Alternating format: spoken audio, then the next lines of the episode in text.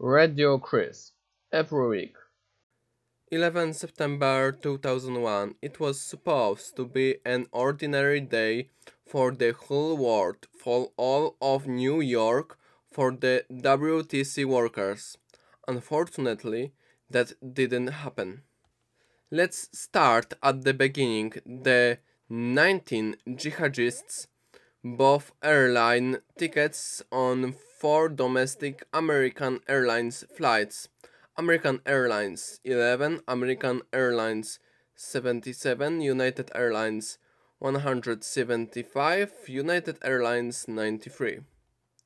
Minutes before 8 am local time, a fully fueled American Airlines Boeing 767-11 took off with 81 passengers and 11 crew members from Boston's Logan International Airport. The target was to fly Los Angeles International Airport. Shortly after departure, Mohammed Atta, the terrorist leader, contacted Marwan al-Shehhi, who was on board flight U-175. At 8:10 a.m., American Airlines 77 takes off from Washington Dulles International Airport with 58 passengers and 11 crew members and flies to Los Angeles. Three minutes later, the AA-11 hijackers take control of the plane and divert the plane south. They reassure anxious passengers. Everything will be okay. If you try to make a move, you will endanger yourself and the aircraft. Just stay calm. Minutes later, Boston Logan leaves with its tanks full United 175 with 56 passengers and a staff of 9. He's also flying to Los Angeles. 10 minutes after the hijacking, Logan controllers realized that AA-11 was probably abducted. Five minutes later, they are warning the other towers except NORAD. It's North American Aerospace Defense Command, which protect the sky and the space over the United States. At 8:37 a.m., United 175 reports control finding American 77. 15 minutes after the warning, the message goes to NORAD thanks to the FAA, Federal Aviation Administration. At 8:46 a.m., the NORAD data officer dispatches two Yusuf Otis F-15 fighters to locate AA-11. 40 seconds later, an American Airlines Boeing 757 accelerating to 466 mph hits the north wall of the World Trade Center's North Tower. From that hour until 10:29 a.m., 100 according to other estimates 250 dis- desperate workers jumped out of the window located in the upper floors overtaken by the fire. At 8:49 a.m., the first news of the WTC disaster appears.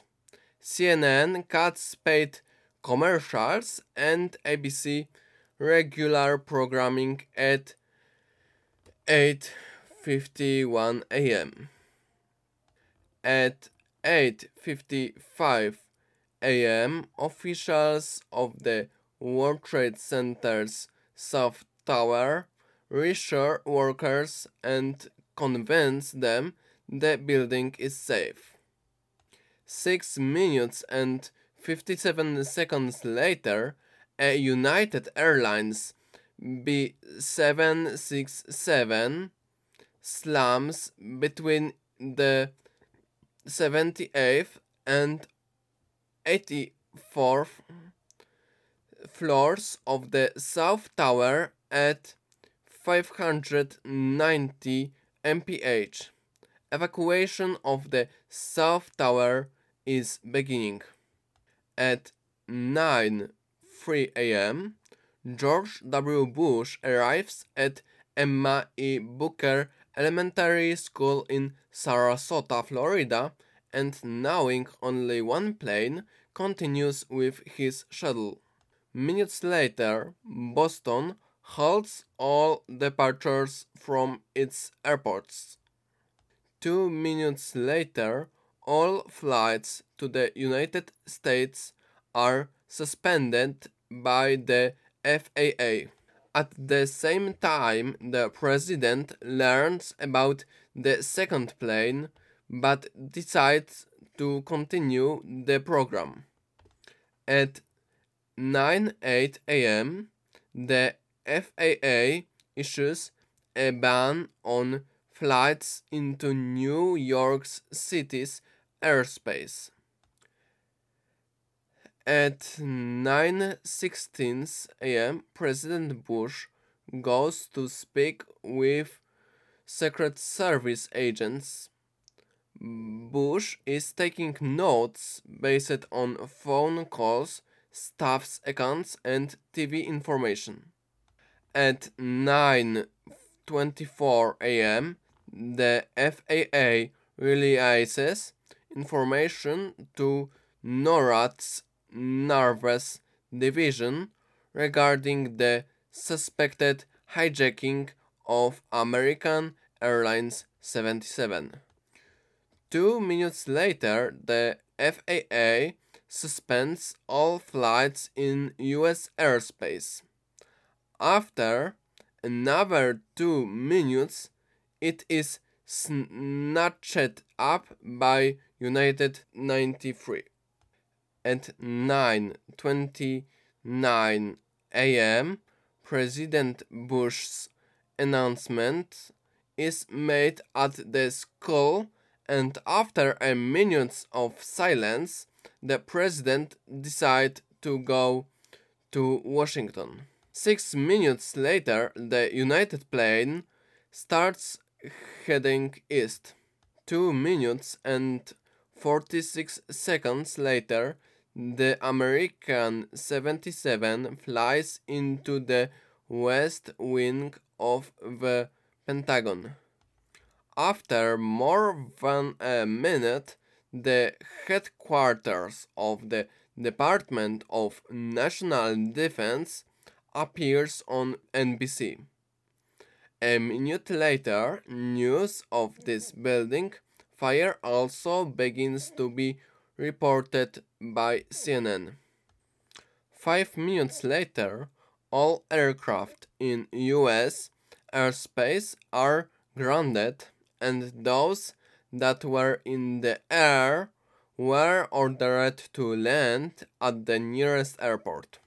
At the same time, staff are evacuating the Capitol and the White House. After another five minutes, Associated Press reports that AA was kidnapped possibly after taking off from Boston. An hour later, the message is confirmed at Flight 11 and United 175. Two minutes later, Commander Orio Joseph Palmer of the 7th Fire Battalion gets to the 78th floor on the South Tower and reports multiple casualties from the fire. At 9:57 a.m., the president leaves Sarasota on Air Force 1 and circles for 40 minutes while determining flight direction. Minutes later, United Airlines 93 passengers not against the terrorists. At 9.59 the South Tower collapses. Three minutes later, United 93 crashes near Pittsburgh. Seven minutes later, part of the Pentagon collapses. At 10:13 a.m., the New York United Nations building complex is evacuated. Two minutes later, there is a report later debunked that the Popular Front for the Liberation of Palestine was behind the attack. At 10:28 a.m., almost half an hour after the south, the north tower collapses. About 5 minutes after half past 11 am, police get information about a car bomb outside the State's Department in Washington, but it's later dismissed. Meanwhile, the presidential plane is headed to Shreveport base in Louisiana. Four minutes later, there are rumors of a hijacked jet flying to Washington. F 15 aircraft are directed to patrol the skies over the city with orders to shoot down any aircraft refusing to obey commands. 15 minutes before 11 am, CNN reports that evacuation have begun in DC and New York City. Soon after, city authorities ordered the entire Tower Manhattan to be evacuated. Five minutes later, five levels of the Pentagon segment collapses. Three minutes later, the New York primary is suspended. 16 minutes after 11, American Airlines confirms the loss of two aircraft. Minutes later, the loss is confirmed by United Airlines, but only Flight 93, as they express deep concern for Flight 175. 25 minutes after 11 am, Florida Disneyland closes. At 11:53, United confirms the loss of two aircraft. At 12 p.m., George W. Bush is at the Barksdale base in Shreveport. Two minutes past 12, the attack are condemned by the Taliban. Two minutes later, Los Angeles, the destination airport of AA-11, AA-77 and U-175 is closed.